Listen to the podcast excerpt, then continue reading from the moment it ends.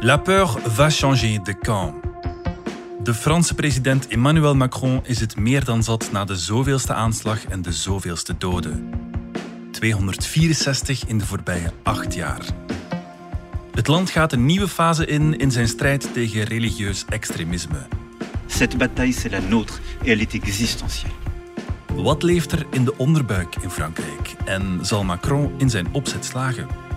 Ils ne nous diviseront pas. Het is woensdag 28 oktober. Ik ben Niels de Keukelare en je luistert naar de podcast van de Standaard.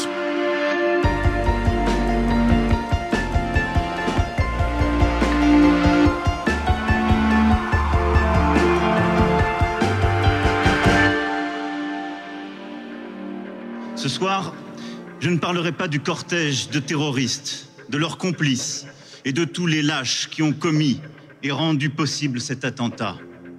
Je ne parlerai pas de ceux qui ont livré son nom aux barbares.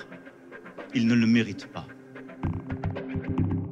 De Franse president Macron was duidelijk toen hij het had over de moordenaar van onderwijzer Paty. Die dader en de daders van alle 33 aanslagen in Frankrijk sinds 2017 zijn onze aandacht niet waard. Jolien de Bouw, Frankrijk-correspondente. Wat is er aan de hand in Frankrijk? Ja, goede vraag. Hè? Sinds een paar jaar uh, wordt Frankrijk geregeld getroffen door moslimterrorisme. Want uh, de moord op Paty was voorafgegaan, een paar weken eerder nog, door twee mensen die ook aangevallen werden voor de oude redactie van Charlie Hebdo. Mm. En nu dus die onthoofding van Samuel Paty. Dat doet natuurlijk veel stof opwaaien. Je moet weten, in de jaren negentig waren er ook best wel wat aanslagen in Frankrijk. Mm. Maar die waren eigenlijk allemaal gelinkt aan buitenlandse conflicten waar Frankrijk dan in verwikkeld was, militair of politiek, of bijvoorbeeld uh, met de oorlog in Algerije. En het grote verschil is dat de recente golf van aanslagen, recent dus sinds 2012 ongeveer, die zijn echt rechtstreeks gericht op wat Frankrijk is, de mm. ziel van Frankrijk ja, eigenlijk. Hè? Een lekenstaat met een sterke geschiedenis van vrijheid, van meningsuiting. Dus die leerkracht die is nu vermoord omdat hij enkele Mohammed-cartoons had getoond. Mm -hmm. Nu, Macron die wil niet wijzen naar die daders, maar hij focust echt op Paty. Samuel Paty est devenu vendredi. En hij maakt van die leraar het symbool van die vrijheid. Le visage de la République. Die wil hij eren en hij wil niet het risico lopen de boel nog verder op te hitsen. Ja, die moord op de leerkracht kwam wel heel hard aan. Hè? Ja, niet alleen de gruwel en onthoofding midden op straat vlakbij een school maakte het zo hard, maar ook omdat die man gewoon zijn job deed. Hè. Mm. Hij was een jonge, bescheiden man, een vader van een kindje van vijf jaar. Hij was ook een geliefde leraar. Ik ben daar gaan praten met een paar uh, mensen op die school. En ja, iedereen wou les krijgen van monsieur Paty. Het is ook niet dat die leraar wou choqueren in zijn les door die Mohammed-cartoons te laten zien. Hij had op voorhand gewaarschuwd dat hij de cartoons zou laten zien. Mm Hij heeft gezegd dat kinderen die de cartoons niet wilden zien, die mochten buiten gaan, ze mochten even wegkijken. Hij heeft het dus eigenlijk heel voorzichtig aangepakt en toch was zelfs dat genoeg voor één gek om zo'n gruwelijke daad te doen. Mm -hmm. En wat het eigenlijk ook zo chockerend maakt, is het feit dat het een leraar was. Je had vooraf al gezien die klassieke targets, de pers, de Joodse gemeenschap vaak, de politie. Maar dat nu een leraar werd vermoord, heeft toch heel veel Fransen enorm geraakt. Want leraars moeten eigenlijk jonge Fransen opleiden tot goede Franse citoyen die de waarden van de republiek aanhangen. Die mm -hmm. waarden van de republiek in Frankrijk zo belangrijk. En dat maakt het extra pijnlijk. Hè? Hoe kan je nog lesgeven als je niet vrijuit mag spreken? En hoe kunnen die Franse citoyens dan nog gevormd worden? Un de nos concitoyens a été assassiné aujourd'hui parce qu'il enseignait, parce qu'il apprenait à des élèves la liberté d'expression, la liberté de croire et de ne pas croire. En er zijn ook dingen natuurlijk waarom het zo extra pijnlijk is. Die dader, dat was een jong persoon en die had een nieuwe thuis gevonden in Frankrijk. Maar goed, die ja, gek zullen we het noemen, stond niet alleen zo blijkt. Hij had contacten met Syrië-strijders. Hij werd opgehitst door een hele online hetze door die Mohammed-cartoons. Dat was al een tijdje bezig aan het pruttelen op die school. En de oprichter bijvoorbeeld van het omstreden collectief Sheikh Yassin, dus die heet uh, Abdelkaim Sefrioui, die had in een filmpje haast een fatwa uitgesproken tegen Paty. Mhm. Ja, en hij stond blijkbaar al lang op de radar van de Franse geheime diensten. Ja, klopt. En toch werd die fatwa niet opgemerkt, wat toch wel redelijk bizar is. En daar was na de aanslag natuurlijk ook heel veel verontwaardiging over. Mhm. Want moest Paty eigenlijk geen bescherming krijgen na wat er de dagen voor zijn dood allemaal gebeurde? Mhm, ja. Er komt dus heel veel kritiek op die inlichtingendienst en ook op de politiediensten.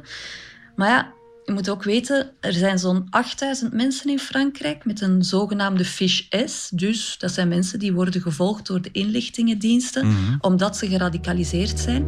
8000, dat is enorm. Hè? En uh, dat zijn dan alleen nog maar degenen die ze op het spoor zijn. Want de dader in Conflans, dus die jonge Tsjetsjeen die Paty vermoord heeft, die stond helemaal niet op die lijst. Die had geen fiche S. Je krijgt daardoor wel de indruk dat Frankrijk dit niet helemaal meer onder controle heeft.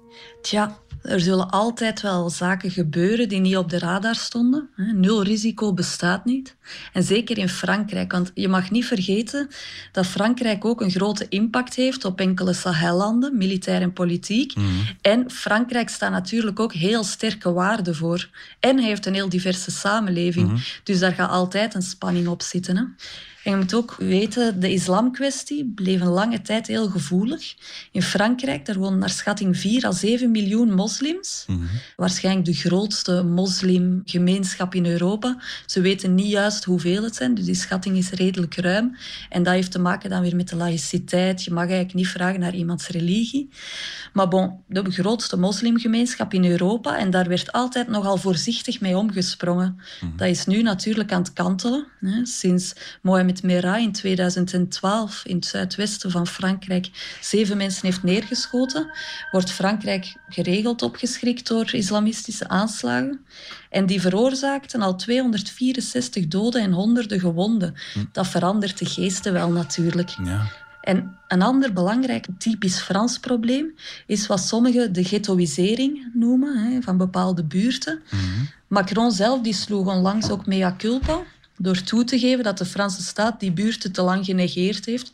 Al dan niet bewust, daar kan je natuurlijk nog een hele discussie aan ophangen. Nous avons nous-mêmes construit notre propre séparatisme.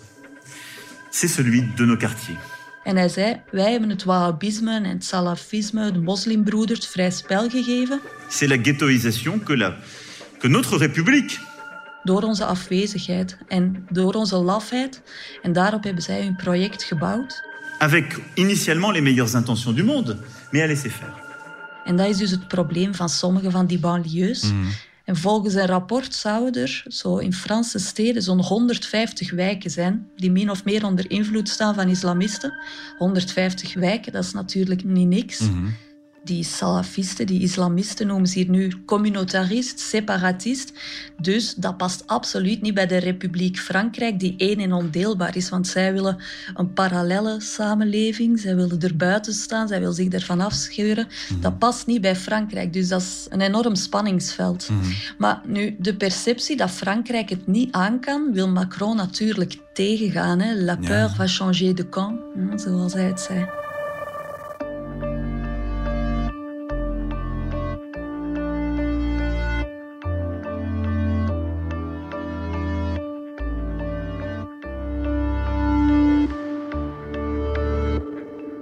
Macron sprak ironisch genoeg enkele dagen voor de aanslag op Paty al duidelijke taal over de islam en het islamfundamentalisme. Wat viel jou op in die toespraak? Ja, vooral dat een kat een kat genoemd werd. Want uh, de radicale strekkingen binnen de islam worden eindelijk duidelijk als vijand aangeduid. L'islam est une religion qui vit une crise aujourd'hui, partout dans le monde. Politici, op wat bekende uitzonderingen na natuurlijk, bleven tot nu toe doorgaans heel voorzichtig in hun uitspraken over de mhm. islam. C'est une crise profonde qui est liée à des tensions entre des fondamentalismes, des projets justement religieux et politiques qui, on le voit dans toutes les régions du monde, conduisent à un durcissement très fort. Maar je moet er rekening mee houden dat er natuurlijk deels een politieke agenda achter schuil gaat. Hè? Want uh, Macrons partij En Marche moet zo breed mogelijk zijn. Dat was heel het idee van En Marche. Mhm. Op links bewerkt hij dus groene en sociale thema's. En op rechts migratie- en veiligheidsthema's. En die worden steeds belangrijk. Hè, veiligheid en migratie. Zeker nu uh, in aanloop naar de presidentsverkiezingen. Die hoogstwaarschijnlijk opnieuw gaan uitdraaien op een duel met Marine Le Pen. Mhm. Maar je mag ook niet vergeten dat ook links in Frankrijk erg met die thema's bezig is. Hè, met laïciteit dan vooral. Mhm. En uh, vrije meningsuiting. Mhm. Wat mij ook wel opviel in Macron zijn toespraak was zijn beredeneerd taalgebruik. Want hij krijgt soms wel de kritiek dat hij um, nogal straffe uitspraken doet. Maar ik vond hem redelijk beredeneerd in deze toespraak. Ja, is hij voorzichtig op een of andere manier? Ja, ja, ik vind het wel. Het is duidelijk de gewone de man met de pet, de borst stoten. Ne nous laissons pas entraîner dans le piège de l'amalgame tendu par euh, les polémistes et par les extrêmes, qui consisterait à stigmatiser tous les musulmans. Non. Ce piège, c'est d'ailleurs celui que nous tendent les ennemis de la République, qui consisterait à faire de chaque citoyen de confession musulmane un allié objectif parce qu'il serait la victime d'un système bien organisé. En hij zegt dat ook geregeld. Hè. Hij zegt vaak, de republiek omarmt hem. Hm. Maar toch heeft hij veel kritiek gekregen, wat ook wel te verwachten viel. Racistisch noemden sommigen zijn maatregelen, neocoloniaal, Trumpiaans. Hm. Die kritiek die kwam dan uit de moslimwereld. Ja, de Turkse president Erdogan noemde Macron geestesziek en vroeg zich af wat Macrons probleem is met de moslimwereld. İslam'la derdi nedir ya? Müslümanlarla derdi nedir? Kwam er dan ook kritiek op Macron vanuit de Franse partijen? De kritiek van andere politieke partijen. Ik moet nu wel zeggen, sinds de moord op Paty is die een beetje verstomd. Er is zelfs bijna een consensus nu dat er iets serieus fout zit en dat dat moet worden aangepakt. Hoe mhm. lang die consensus er gaat zijn, dat is nog maar de vraag natuurlijk. Ja, ja, ja. We zijn zo terug. Als je kunt starten met vandaag bij een organisatie gaan zeggen van oké, goed, we gaan een hoop van de beslissingen die op managementlagen of op CEO-levels naar beneden of op de werkvloer zetten, ja, gaat er heel veel veranderen. En alles beweegt. Een podcast waarin Vlaamse CEO's en prominente HR-managers vertellen hoe ze hun onderneming en werknemers in beweging houden. Beluister de reeks op jouw favoriete podcast-app. VDHB en alles beweegt. C'est pas l'islam, sorry. C'est pas la religion. C'est l'islamisme. C'est le poison de l'islam. Cette maladie. Ja, je hoorde Hassan Shalgoumi, de imam die de moord op Patti en het islamfundamentalisme zwaar veroordeelde. Ook Macron maakt het onderscheid tussen islam en radicaal islamisme. Ja, tuurlijk. Hè? Want zoals ik al zei, Macron wil niet alle moslims over dezelfde kam scheren. Ze zijn tenslotte met een paar miljoen in Frankrijk. En hij zegt dat ook. Hè. Moslims zijn het grootste slachtoffer van het radicaal islamisme. Dus daarom is het nu ook zo goed dat er echt imams opstaan die dergelijke lynchpartijen veroordelen en zeggen dat dat niets met de godsdienst te maken heeft. Mhm. Voor velen heeft ook te lang geduurd voordat er imams of belangrijke personen uit die Franse moslimwereld echt hun mond opendeden en zeiden: Kijk, die cartoons, dat kan, die kunnen getoond worden, dat, dat hoort bij de Franse vrije meningsuiting. Maar je moet weten, die Chalgoumi die staat natuurlijk bekend als een heel progressieve imam. Die sprak zich eerder al uit over het hoofddoekenverbod op scholen. Hm. Hij heeft ook goede banden met de Joodse gemeenschap. En die staat daardoor ook wel al jaren onder politiebescherming. Hij heeft al serieus wat doodsbedreigingen gekregen. Dus simpel is het niet, maar het is wel zeer belangrijk dat mensen als hij ook op de voorgrond treden en uh, hun mond open doen.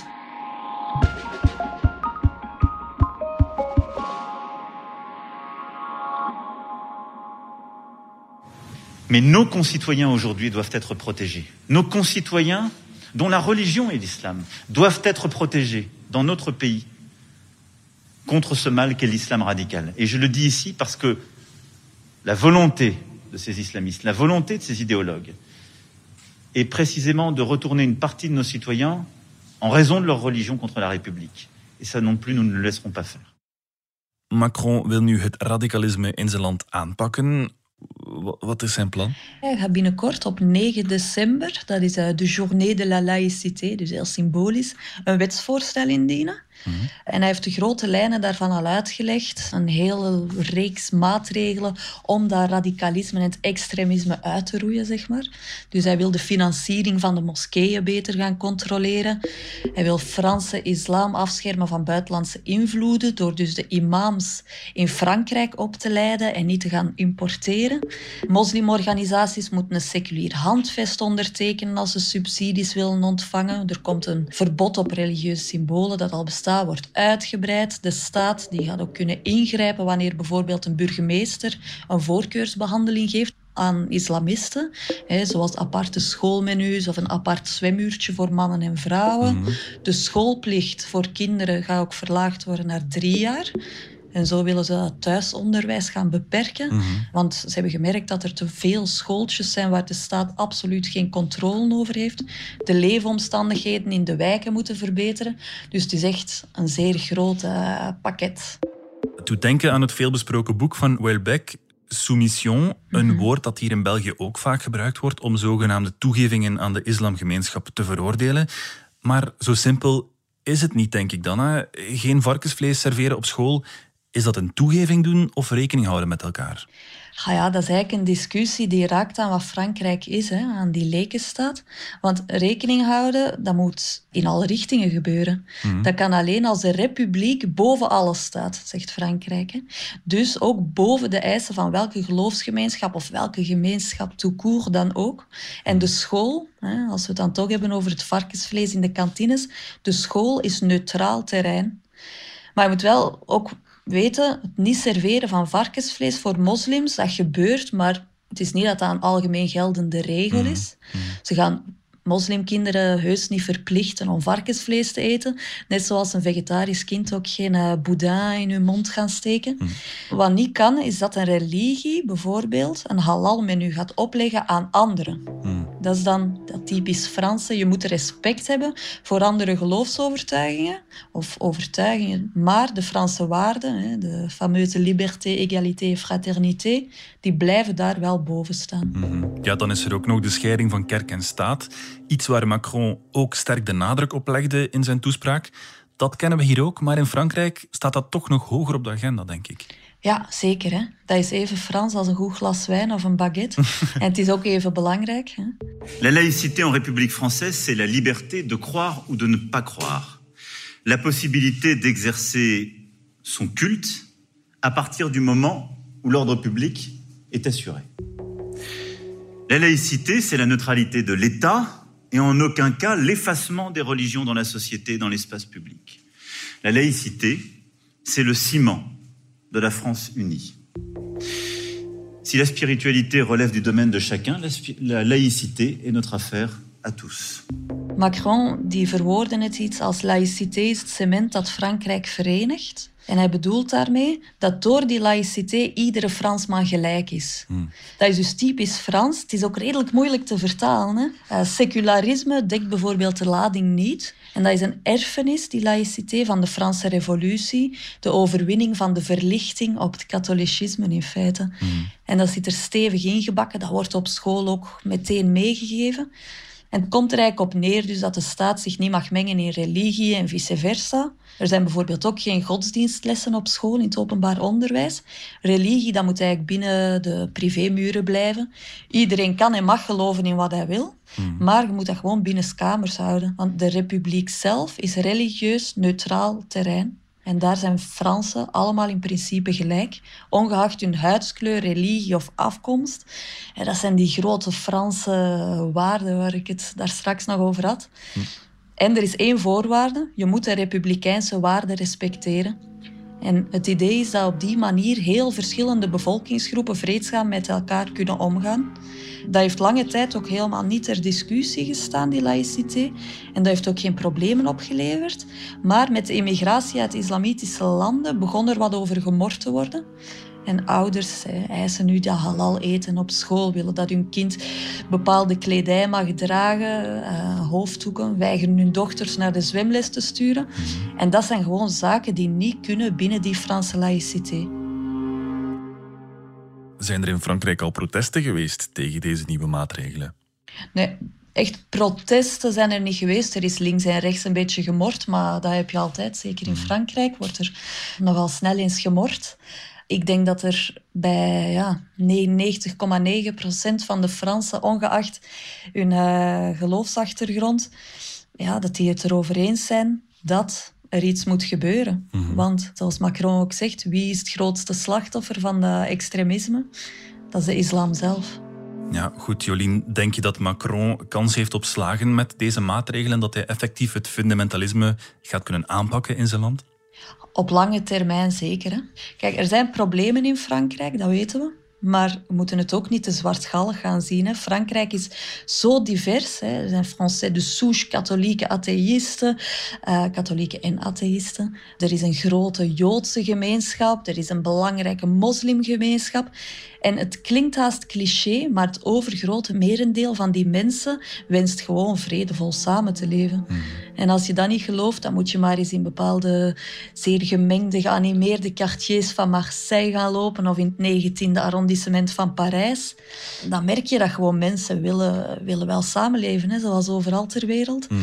En wat naast die vergeten banlieues volgens mij een groot probleem is, is ook de invloed van het internet en van het buitenland. En dat moet gekanaliseerd worden. Daar is Frankrijk nu ook mee bezig. Zij hebben al samen gezeten met die sociale media. Dat moet aangepakt worden. Mhm. Dus ik zeg niet dat dat onmiddellijk opgelost gaat raken. Dat heeft Macron ook gezegd. Dat is een werk van lange adem. Er zal nog een generatie of meer overgaan. Maar kijk, Frankrijk is gedoemd om te lukken. Er is geen alternatief. Ja, Jolien, je woont zelf in Frankrijk. Hoe voel jij het aan? Is er een sfeer van angst of eerder vastberadenheid om het probleem aan te pakken? Het is de twee. Hè. Het is ook heel anders zoals ik het aanvoel, het is anders dan in 2015. Na de aanslag op Charlie Hebdo stond ik ook elke avond op Place de la République, waar dan mensen samenkwamen, kaarsen branden. Daar was dan ook de grote mars. Iedereen had toen een bordje vast, waarop stond geschreven mijn pas peur, zelfs geen schrik. Hmm. Maar ik moet toegeven dat ik toen toch best met een ei in mijn broek zat. Hoor. Eh, het was iets heel nieuws die aanslagen, die, dat kwam ineens zo heel dichtbij en het leek zo georganiseerd ook. Hè. Die, die aanslag op Charlie Hebdo, dan iets daarna op Bataclan. Ja, toen waren de mensen echt wel bang. Maar ondertussen is, het is misschien erg om te zeggen, is er een soort van vreselijke gewenning gekomen. Hmm. Uh, en natuurlijk raakt zo'n aanslagje nog, zeker wanneer het zo dichtbij komt. Maar ik heb wel de indruk dat meer dan angst het nu verontwaardiging is en een soort woede dat je voelt. En als er iets van angst is, dan is het meer die angst om het Frankrijk dat we nu kennen, om dat te verliezen. Oké, goed. Jolien de Bouw, dankjewel. Graag gedaan. Dit was de podcast van De Standaard. Bedankt voor het luisteren. Wil je reageren? Dat kan via podcast.standaard.be. Alle credits vind je op standaard.be-podcast. Morgen zijn we er opnieuw.